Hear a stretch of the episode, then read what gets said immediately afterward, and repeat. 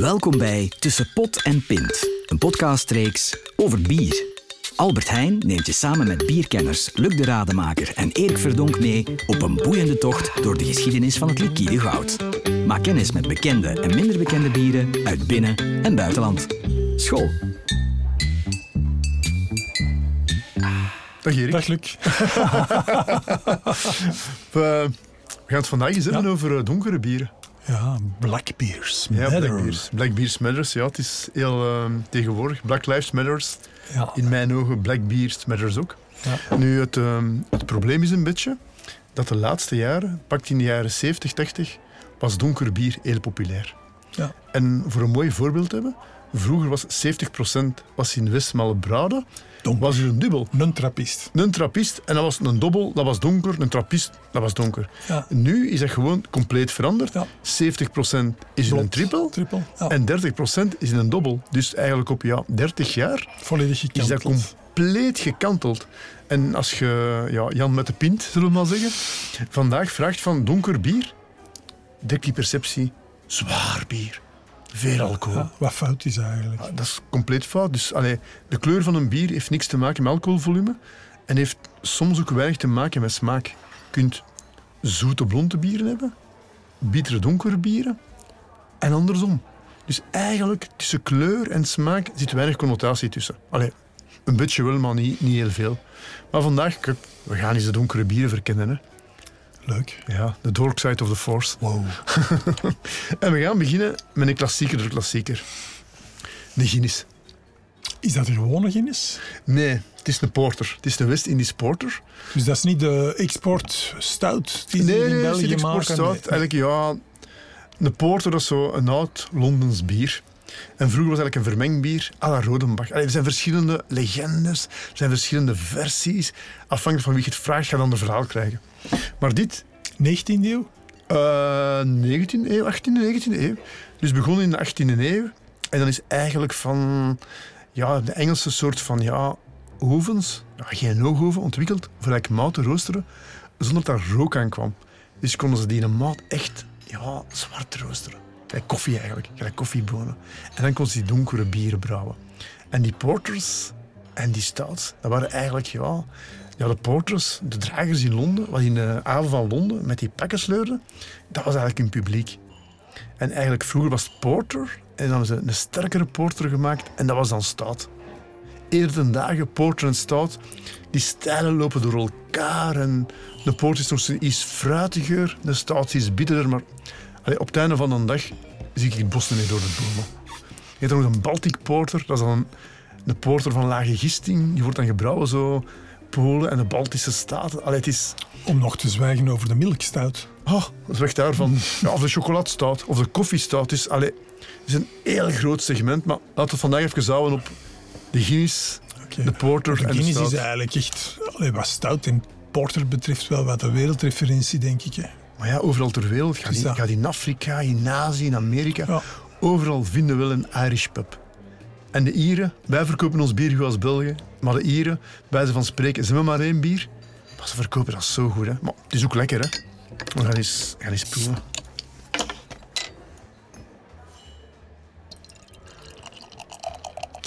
Ja, zo'n donker bieren, Belgische bieren, zo donker, zijn er toch niet zoveel. Ja, we hebben een beetje die, we hebben die traditie een beetje van ja, English ales na Wereldoorlog 1 en Wereldoorlog 2. Voor, voor de opkomst van de Belgische speciaalbieren eigenlijk. Ja, eigenlijk niet echt. We hadden die... Oh, eens klinken. hè. Gewoon, Santé. Wat eigenlijk niet echt meer was dat van, ja, die, die soldaten waren hier en dan waren we die plezier doen en dan begonnen wij scotch te brouwen en stout te brouwen en pale ales te brouwen. En dan ja, is ook een, een tijd heel populair geweest. Hè. En natuurlijk, ja, Duitse bieren moesten meer hebben. Dat was de vijand. Hè. Hm, maar je proeft in een donkere maat, het is ook heel licht. Het drinkt aangenaam. Die in een, Hoeveel graden is dit nu? ik denk zes. Eens kijken. Waar staat het? Ehm toep, toep, toep, toep. Inderdaad, 6% Ja, een gewone Guinness zit rond 4. Hè. Dus als je naar Dublin gaat, in die pubs, zo goed getapt, zodat, allee, ja, met, die, met die nitro. Eerst opzij zetten. Hè. Ja, ja, maar ze trappen zo, ja, bij ons stappen in één keer, daar Koffie, ze met, in. koffie met melk. Voilà. Dat is eigenlijk, ja, ik dat meer melken dan stappen. Maar allee, het is goed. En dan dat schuim is tof, dat is mijn nitro. En dan krijg je dat romig gevoel. zo, Ze Dat hebben dat zelfs in die blik kunnen eigenlijk eh, Ja. imiteren, heel dat, Ja, heel in, dat proces. Hè? in dat blik zit zo'n bolletje in. Dus eigenlijk met het moment dat je dat lipje eraf trekt, Ja. komt dat bolletje vrij en dan spuit natro in je bier. En dan krijg je dat, dat- die romigheid zo. Echt, allee, ja. Stikstof. Stikstof, ja. Vind echt fantastisch. Maar dat is, een- ja, dat is de klassiekers de klassiekers. Hè. Ja. En ja, je kunt dat overal ter wereld drinken. Hè. En het leuke aan een Guinness, is dat het beste bier van de wereld? Nee. Maar het is altijd goed als zo, ja, ik noem dat een safe bier. Dus als je bent op een luchthaven of in een stad waar niet te veel te zien is, en je vindt een Irish pub, en je gaat een Guinness bestellen, allee, het heeft een basiskwaliteit en dat gaat daar nooit onder. En een groot verschil tussen vat en, en fles? Of? Maar eigenlijk, als ik Guinness drink, heb ik liever ja, de fles. Ja, vind ik niet zo goed. Nee, niet zo goed. Dat is lekker, maar gewoon, je hebt die stikstof niet. En voor mij een Guinness, die, ah ja, die romigheid is gewoon een kenmerk van die Guinness. Ja. Dus het is ook een hele Antwerpse link aan, eh aan, aan Ja, Guinness. dat hè. klopt. Dus dat is eh, hetzelfde bedrijf in feite dat al ruim 100 jaar eh, exclusief hier in België Guinness importeert. En die kwamen destijds nog, ik denk zelfs met zeilboten nog toe, hè, die vaten vanuit, vanuit Ierland. Ja, dat klopt. Je hebt er een het, is mooie hier, het, strip is van, hier hè? nooit, Ja. het is hier nooit gebrouwen, hè? Ehm, voor zover dat ik weet, niet. maar wel gebotteld. Ja, maar ik, moet eerlijk zeggen, voor zover dat ik weet, wordt Guinness enkel in Nederland gebrouwen. Maar eerlijk gezegd, met de globalisatie en Ja. je weet het nooit. En al ooit eh, het, het Experience Center van Guinness bezocht Ja. in Dublin? Ja, zalig. hè. Dat is- gewoon Ja, zalig. Dat is, absoluut, allee, joh, ja. als, je dat, als je dat bekijkt, van, dat is... Allee, joh, de wereld gaat open. En wat ik leuk vind aan Guinness, dat is een wereldbedrijf. Diageo zit daarachter, dat is een grote drankengroep. Maar als je bij Guinness over de vloer komt, je voelt die liefde voor dat bier. Je voelt die historie. En allee, joh, dat is iets... Allee, moet ik zeggen van... Veel mensen zoiets van, dat is te groot, dat is industrieel. Oh, waarschijnlijk is dat voor een stuk waar.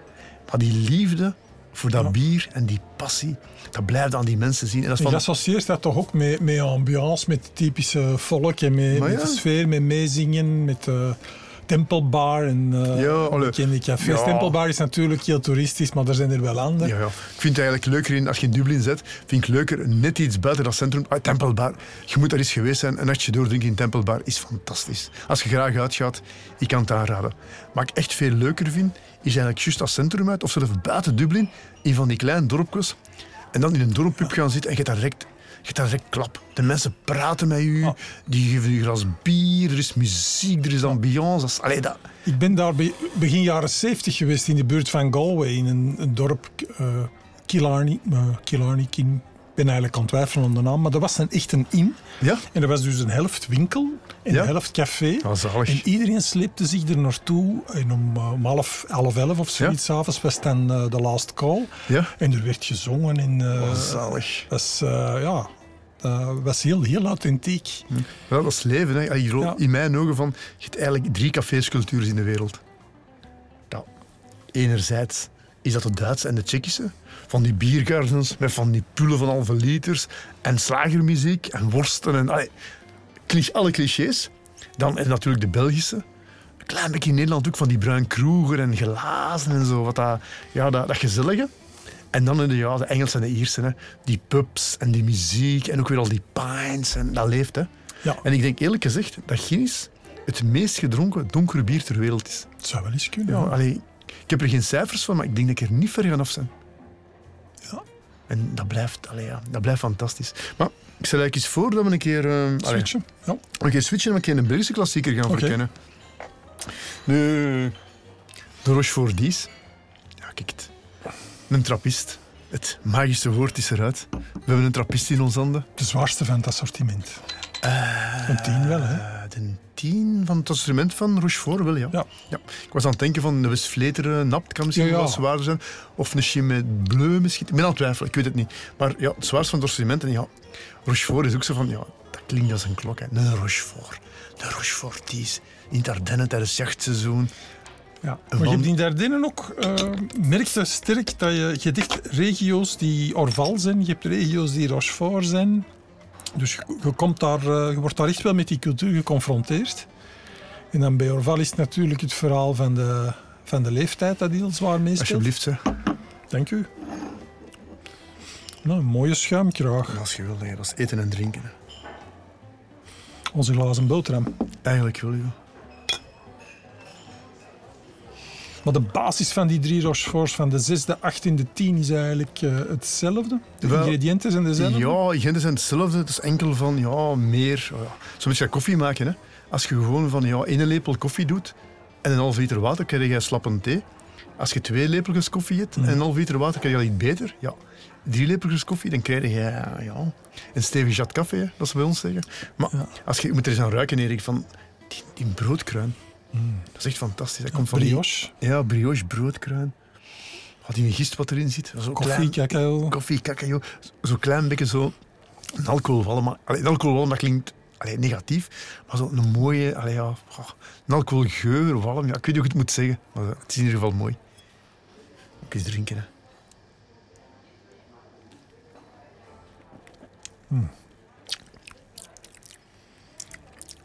En hier zitten we qua alcohol. Ja, dat is eh 12, denk ik, hè.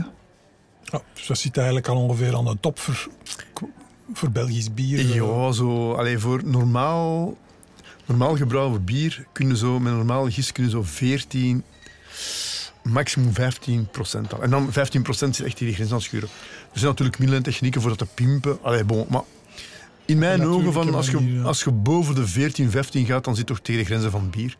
En dan kunnen zeggen van, oké, is standaard bier, ja of nee? Dat is voor een andere podcast, maar allee, daar kunnen we over discussiëren. Maar dit, allee, ja, is gewoon prachtig. Hè? En het er eigenlijk goed bij past. En iedereen lacht me daarmee altijd uit. En het is niet mijn combinatie. Maar van een Nederlandse bierkenner, ah, Dirk Welch, ik ga zijn naam zeggen. En die heeft me ooit gezegd, je moet deze proeven met een Bounty. Een Bounty, kent dat zo? Chocolade, kokosnoot? Al wel, die toets van die chocolade en die kokosnoot past perfect bij die Rochefort. Ik ben geen fan van Bounty of van die snoeprepen, maar die twee bij elkaar... Je hebt dat gewoon- geprobeerd, Ja, natuurlijk heb ik dat geprobeerd. Want die mens dat zei, ik dacht eerst van... Allee, wat zegt die een zot nu? Toen ik het geprobeerd had. Oh, fantastisch, echt fantastisch. Dus dat is heel gemakkelijk. Allee, ja, je gaat Zo'n licht getooste brioche voordat je de kaas op laat smelten of zo. dinges. Ehm, wat ook lekker is, is gewoon een rozijnenboterham. Krentenbrood. In een, in een broodrooster. En daar gewoon van laten op smelten. En dan gewoon daar een rochefort bij. Oh, fantastisch. Of ja, ook niet moeilijk doen. Een gewone wildstoofschotel is ook perfect. Hè. Wildstoofschotel, wat frietjes erbij. En dan zo ah, wintergroenten of wat veenbessen erbij. Dat werkt ook perfect. Hè. Echt een, een klassieker der klassiekers. Hè. Ja. En ja, dat is zo... Is dat nu echt zwart? Dat is zo eerder donkerbruin met zo'n klein beetje rode Ja, het is schijn. nog wel een verschil met, Ja. de kleur van de Guinness. in Ja, die Guinness, geval, ja, die Guinness is donker als de nacht. hè. Dat is Ja. allee, ja, echt zwart. En deze is zo donkerbruin, rode schijn. En ook dat schuim is anders. Hè. Dat is echt zo beige. Terwijl dat Guinness zo meer naar die ja, naar koffie gaat. Hè. Ja, ik vind het wel merkwaardig dat de eh, kraag eigenlijk zo goed blijft staan, wat dikwijls bij trappisten Ja. niet het geval is. Het zal goed uitgeschonken zijn. Het zal dat zijn. En dat is echt zo klassiek. Ja. En die trappisten, allee, je kunt niet zeggen wat ze wilt. Daar komt veel kritiek op. We zeggen dat ze altijd iets te um, commercieel geworden zijn. Maar die mensen, allee, die paters gaan er altijd vanuit van kwaliteit blijft kwaliteit. En winstoptimalisatie is daar niet toe op zich. Nee, Die willen misschien overleven. vertellen dat ze nu ook een volledig nieuwe brouwzaal hebben. Ja. En een nieuw bier, een triple. Ja. Even geen donker bier, even weg van deze, allee, van deze materie. Maar ze hebben zes maanden geleden of een jaartje geleden hebben ze eigenlijk een triple op de markt gebracht. En dat was eigenlijk van, na zoveel jaar nog eens een nieuw bier. Dat was echt fantastisch nieuws. Zeg maar, daar eh, is toch ook een hele discussie geweest met dat water, met die bron. Ja, dat was een, eh, een mijnbouwbedrijf, een steengroeven. Wast. Ja, en die wouden uitbreiden. Maar de bron was eigenlijk hun water uitputten. Dus dat was met bronnenwater gemaakt, Rochefort. Die passeerde daar. Dus als er nog meer van die... Trideenbron. Ja, ik weet de naam niet. Ik moet even... Ah. Maar die werd gewoon van, ja... Dan ging de loop van die bron veranderen en eh, dat passeerde Rochefort niet meer. Nu, dat heeft heel veel in de voeten gehad. Een rechtszaak en allee, zo wat. Ah, Ik vond het, een beetje, het verhaal was een beetje met haar getrokken. En anderzijds, water is belangrijk. En 100 jaar geleden konden ze zeggen, ja, zonder mijn water, dat bier niet. Maar nu, Eigenlijk kunnen ze in een labo met water ongeveer doen wat ze willen. Hè? ja, eerlijk gezegd, van, ik gebruik dat als een boutade. Maar als je morgen een Rochefort wil brouwen, in het midden van de Sahara-woestijn.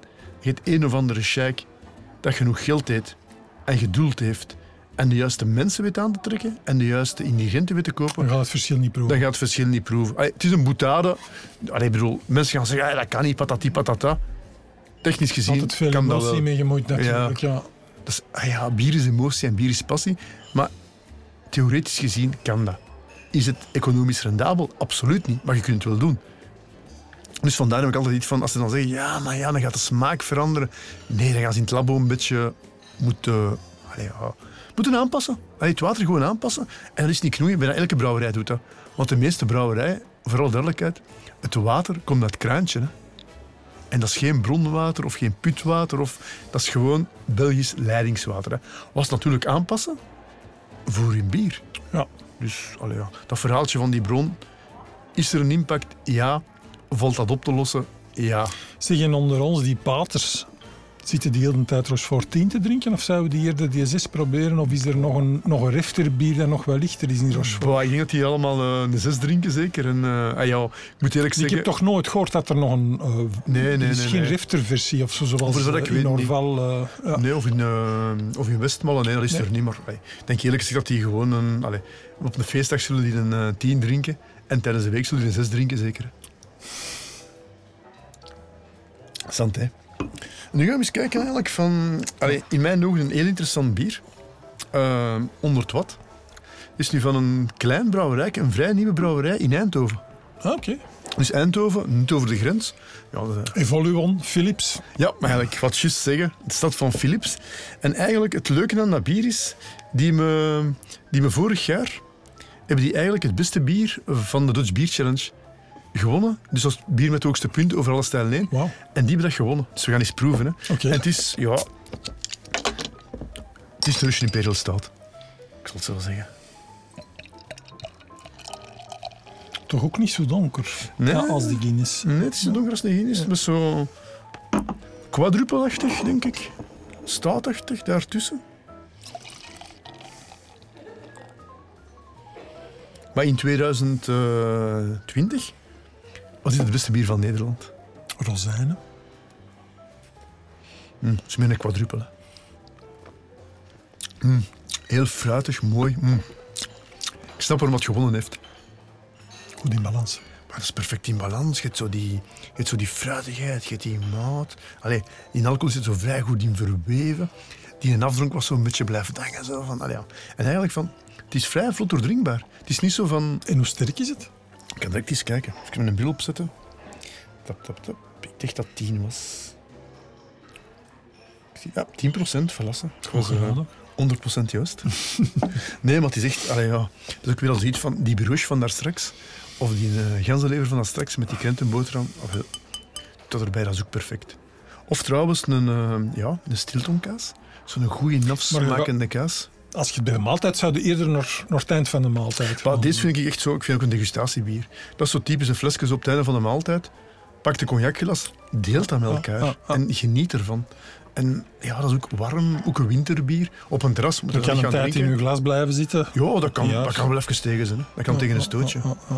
Ik zou nooit op een terras gaan drinken, maar deze is... Vooral die fruitigheid, die krenten, dat gedroogd fruit. Zo, dat is, ja. Ja, ook, voor, ook voor stippen van... In Nederland kunnen ze ook brouwen. Hè. We hebben dikke zo, als Belg zo van... Wij zijn het beste bierland ter wereld. Maar kijk, juist over de grens, ze kunnen het ook zijn. Hebben ze veel gepikt van ons? Waarschijnlijk wel. Hebben ze veel gepikt van de Amerikanen in kraftbier? Waarschijnlijk wel. Ja, het is niet zo dat iedereen daar dezelfde stijlen volgt. Nee, maar dat is, dat is het verschil met... Allee, dat is een grote breuklijn met België. Nederland heeft zich aangesloten bij die kraftbierrevolutie. Allee, Veel IPA's. veel IPA's, nu Nieuwland IPA's, nu Staat, eh, van die sours. Maar dit allee, ja, is nog vrij klassiek. En eigenlijk wat leuk is aan Nederland, ze experimenteren veel. En ze doen het net iets meer als de Belgen. En hun marketing is ook net iets beter als die van de Belgen soms. Oké, het zijn onders voor iets, het zijn commerçanten, maar eigenlijk kunnen ze wel brouwen. En dit Ja. is daar ah ja, het perfecte voorbeeld van. Ik durf verder dat bijna niemand in België dit bier kent. Maar eigenlijk, het is er. Het is verkrijgbaar. Probeer dat eens. En als je niet overtuigd bent, Ja. laat het je blind inschenken tussen een paar Belgische bieren Ja. en proef het eens. En allee, ik vind de Rochefort een klassieker. Maar we zijn geen biernationalisten. hè?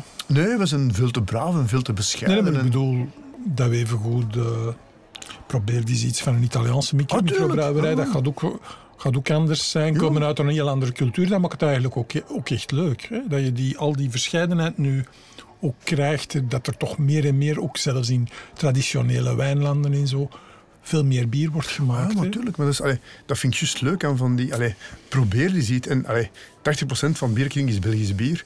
Waarom? Ik woon hier. Allee, we hebben het beste van het beste. En Ja. 20% zijn buitenlandse bieren. Ja. En als ik een IPA ga drinken, of zelfs een stout, de meeste IPA's, of de betere IPA's en stouts, komen niet uit België. De Amerikanen zijn daar beter in, de Engelsen zijn daar beter in. Ja, dat zijn meer hun stijlen natuurlijk. Als ik een triple wil drinken of een sterk donker, dan blijf ik meestal in België. Waarom? Daar zijn wij oh zo Ja, goed in. ja, ja. En dat is een beetje van, allee, je moet kiezen van het beste van het beste. En je kunt niet, je kunt niet alles het beste ter wereld zijn. Maar anderzijds van, allee, we hebben ook goede stouts, we hebben ook goede IPA's. Maar toch, ja, triples, bieren, eh ja, quadruples, dat is toch meer ons ding. Wat mij ook wel opvalt is dat je bijvoorbeeld in Italië, om, om het daar even over te hebben, zij, hebben, ehm, zij associëren bier ook met eten, meer dan Ja. wij. Dus jij gaat daar op het terras, je bestelt iets, je krijgt automatisch iets van eten erbij. Dus dat wordt daarmee spontaan geassocieerd. Terwijl dat bij ons eigenlijk niet echt hoeft. Wij hebben een, een, een biercultuur, een, drankcultuur die niet automatisch gelinkt is aan eten.